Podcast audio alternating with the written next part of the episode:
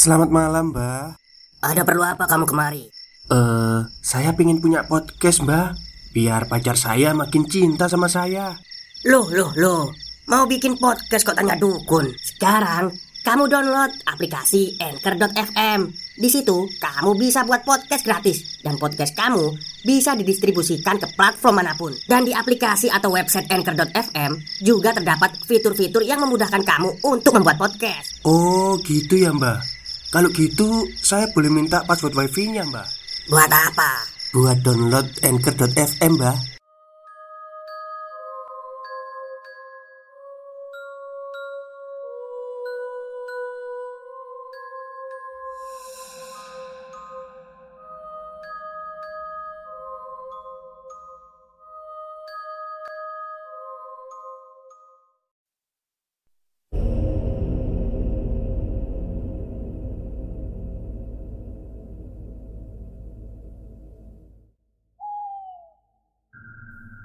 Assalamualaikum warahmatullahi wabarakatuh. Halo semuanya Jumpa lagi dengan saya Chow Sing Sing Kurator dari podcast Horror Night Story.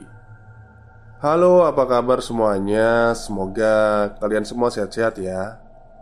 Dan seperti biasanya pada malam hari ini saya kembali Dan akan menghadirkan sebuah kisah mistis untuk kalian semua Kisah mistis kali ini saya datangkan dari tweet twitternya Mas Rian Nurfaiz, Nurfajri Yang menuliskan tentang bau kentang. Bau kentang itu erat dengan keberadaan makhluk goib ya. Oke, daripada kita berlama-lama Mari kita simak ceritanya Sebuah kisah yang dialami oleh Aji dan teman-temannya saat berlibur ke suatu villa daerah di dekat dengan ibu kota. Tanpa mereka sadari, ada hal yang membuat makhluk di sekitar marah hingga mengganggu tanpa henti. Ah, bosan sekali rasanya libur kali ini. Gini-gini aja. Gumam Aji di teras depan rumahnya. Sudah seminggu kampus libur panjang. Kebanyakan orang pasti senang karena dapat beristirahat dan berkumpul dengan keluarganya di rumah.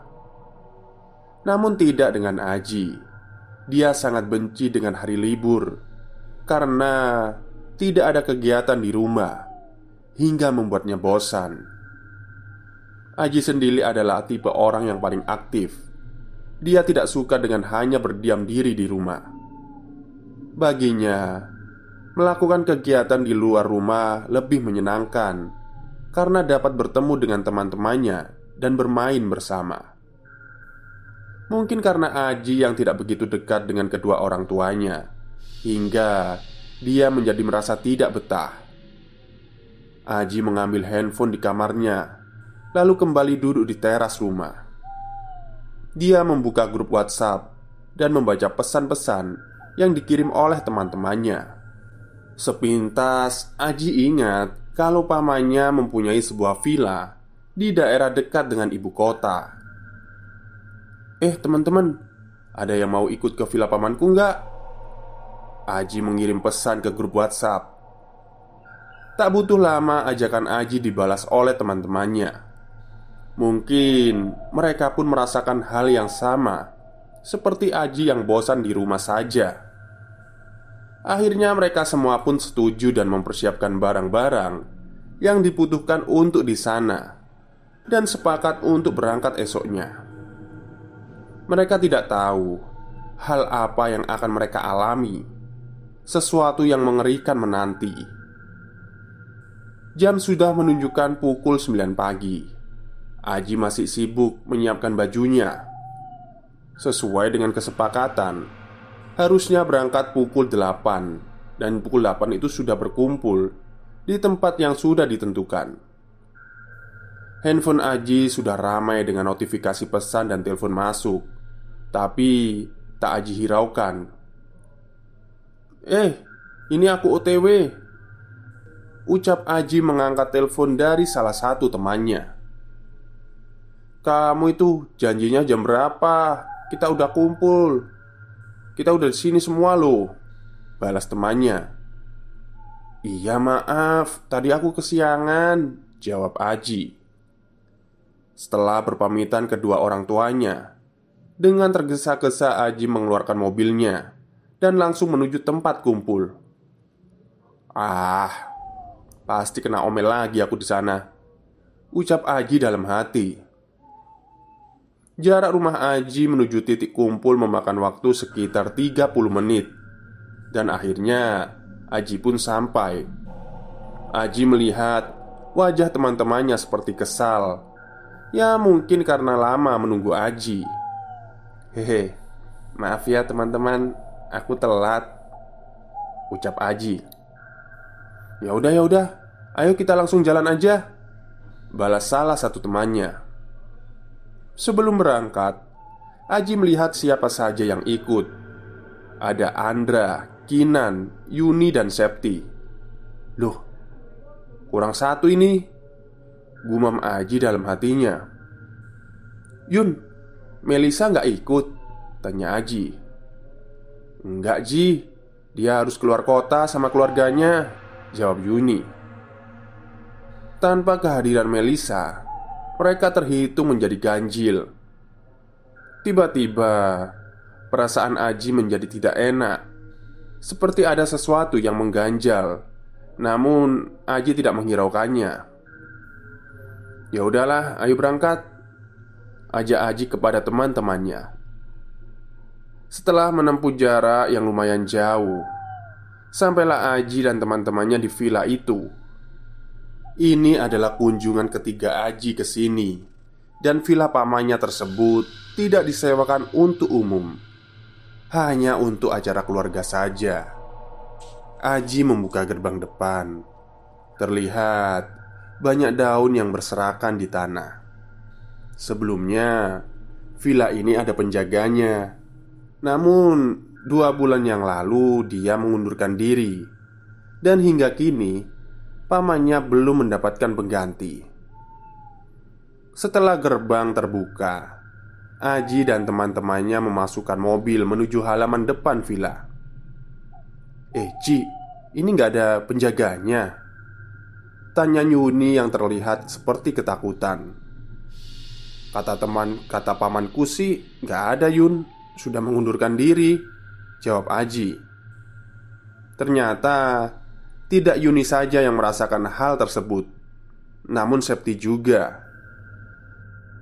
Septi dan Aji ini sama-sama mempunyai kepekaan akan kehadiran makhluk halus. Hanya saja mereka berdua tidak dapat melihatnya. Sudah Gak perlu khawatir Yun.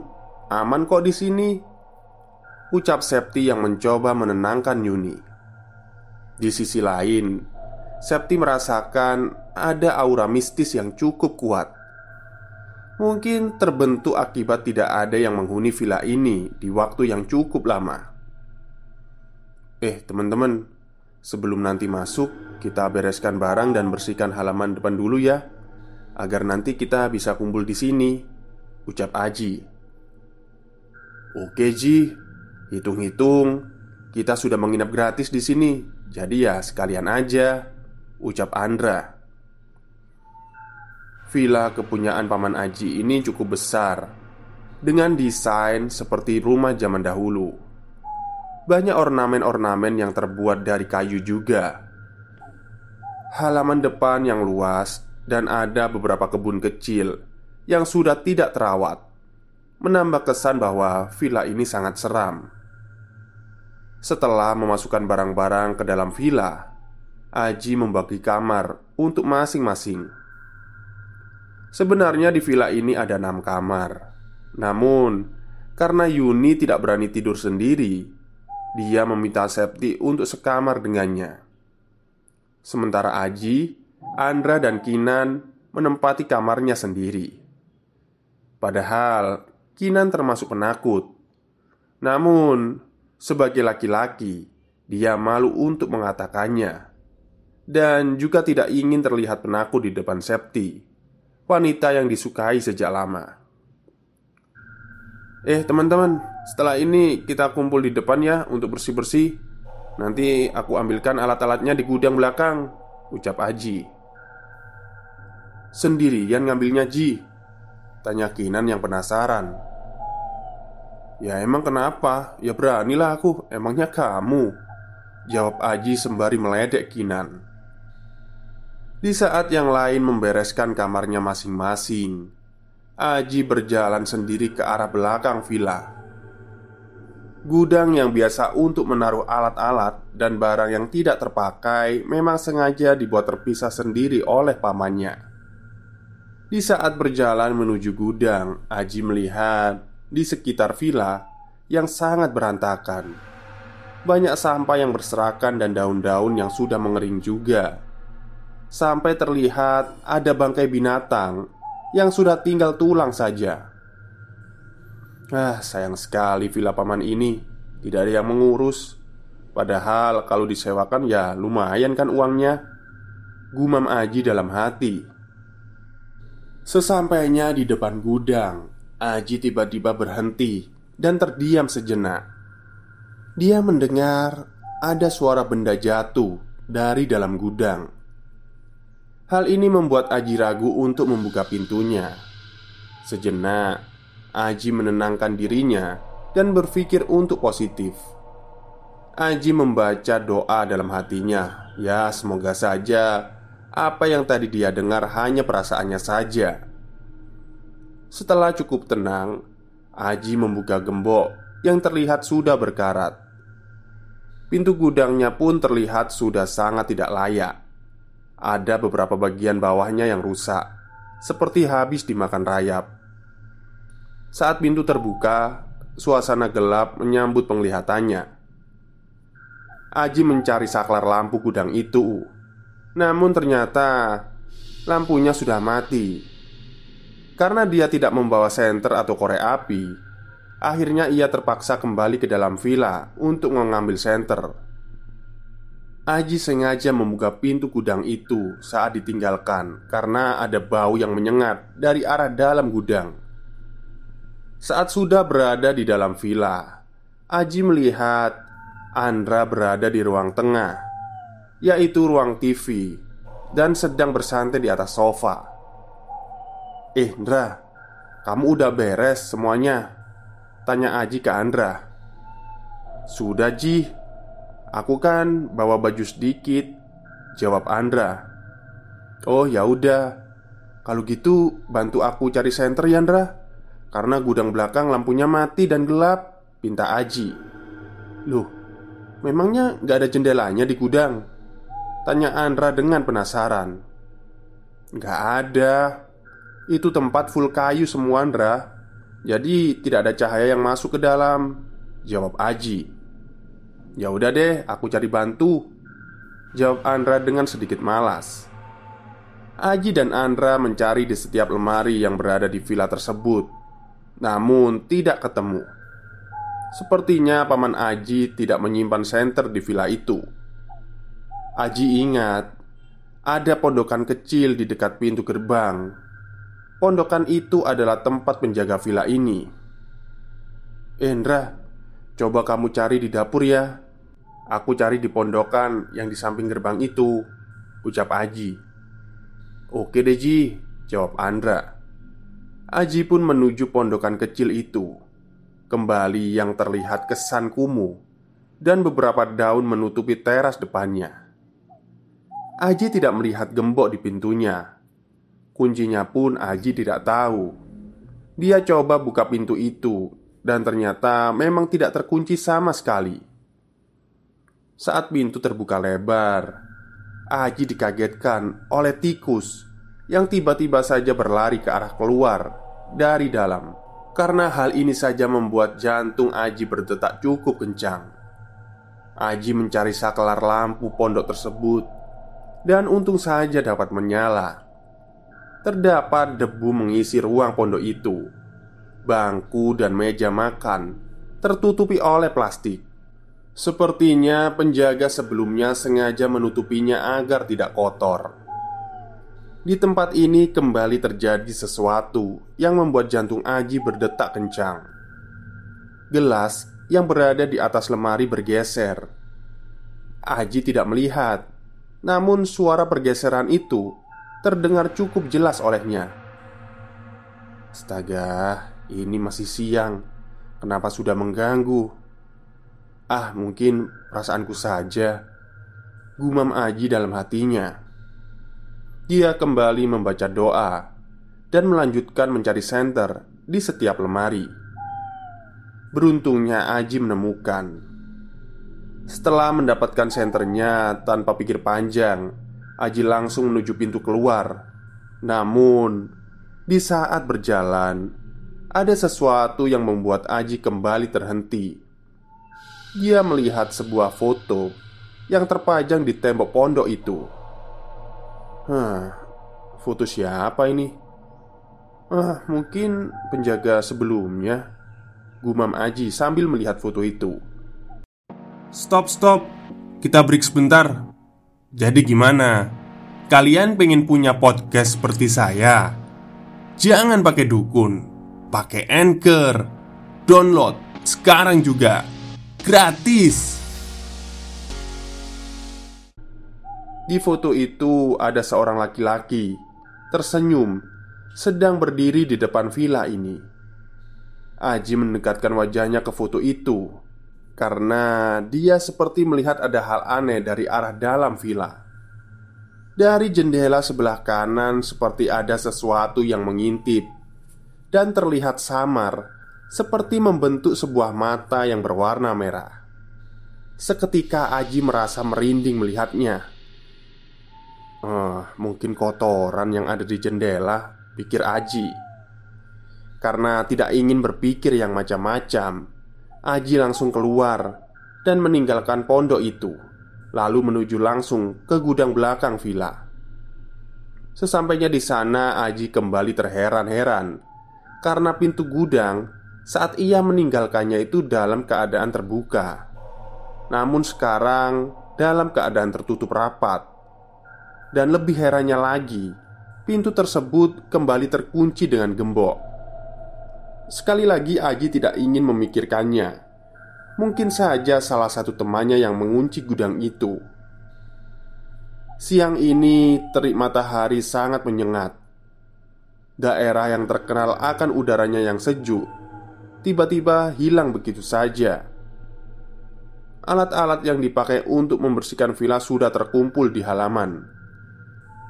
Ayo ayo semuanya kumpul di depan. Alatnya udah aku bawa Teriak Aji kepada teman-temannya. Terlihat ekspresi rasa malas dari wajah mereka. Mungkin karena rasa lelah setelah perjalanan pagi tadi Waktu sudah menunjukkan pukul 5 sore. Keadaan villa sedikit demi sedikit terlihat bersih kembali. Aji dan Andra berinisiatif Untuk membersihkan halaman depan Yang penuh dengan daun kering Dan beberapa sampah.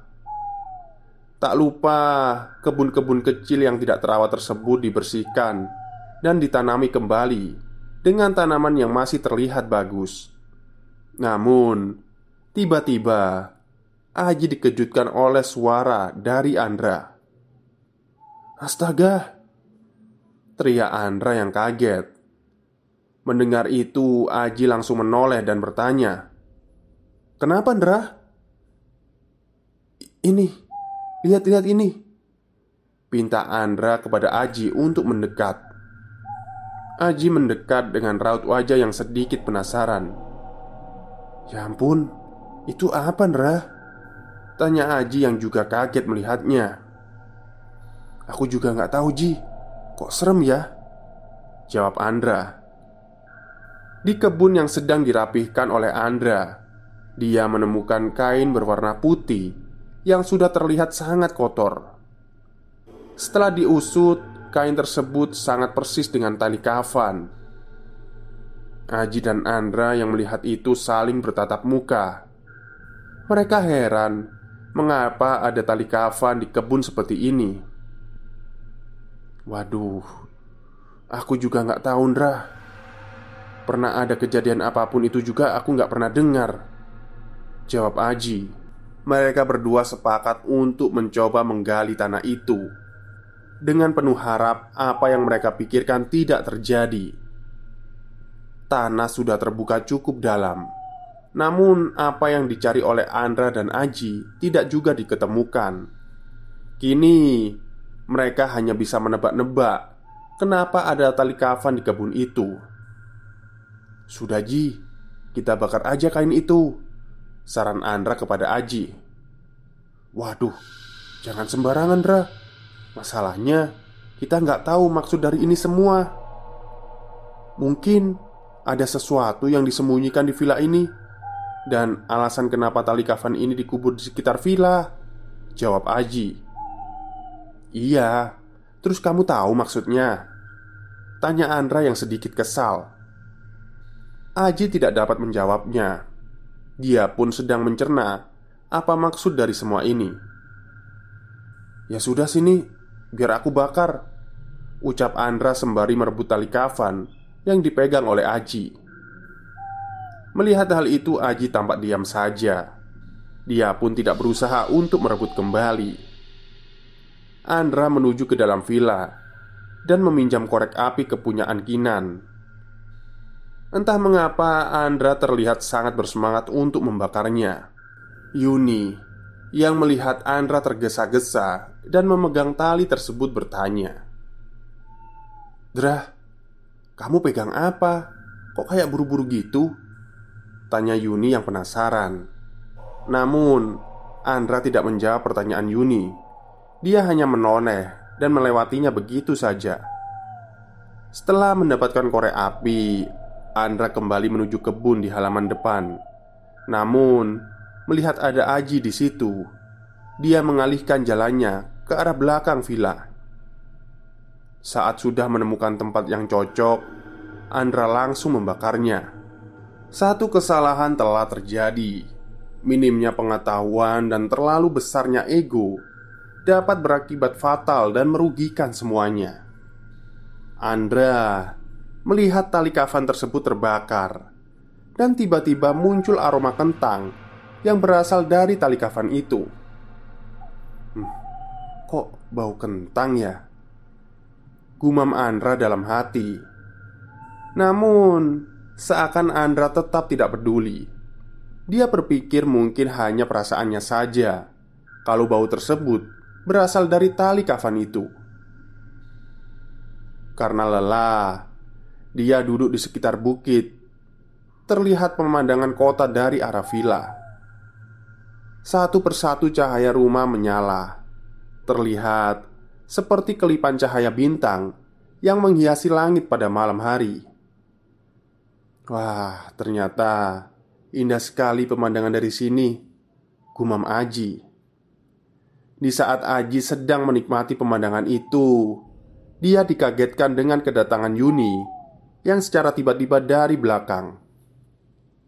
"Heh, sendirian aja kamu di sini?" ucap Yuni sembari menepuk pundak Aji. "Ah, kamu tuh bikin kaget aja, Yun. Eh, lihat deh, Bagus ya pemandangannya. Ucap Aji sembari menuju ke arah kota. Iya Ji, bagus banget ya. Kenapa tidak dari dulu ya kita ke sini? Keluh Aji kepada Yuni. Yuni diam-diam ternyata menyukai Aji. Namun saat ini dia mencoba membuang itu. Malam itu Yuni merasa senang sekali karena dapat berduaan dengan Aji. Melihat pemandangan kota Angin sejuk berhembus seakan melengkapi momen berdua bersama Aji. Perlahan, kepala Yuni mendekat ke pundak Aji. Tak ada rasa risih dari Aji melihat hal itu. Ini kenapa jadi romans?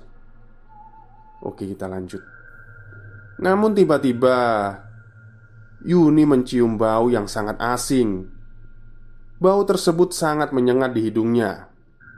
Yuni pun langsung mengangkat kepalanya dan bertanya kepada Aji, "Ji, kamu nyium sesuatu nggak?" Tanya Yuni yang penasaran. "Hah? Nyium? Maksudnya?" Jawab Aji. "Masa kamu nggak peka sih?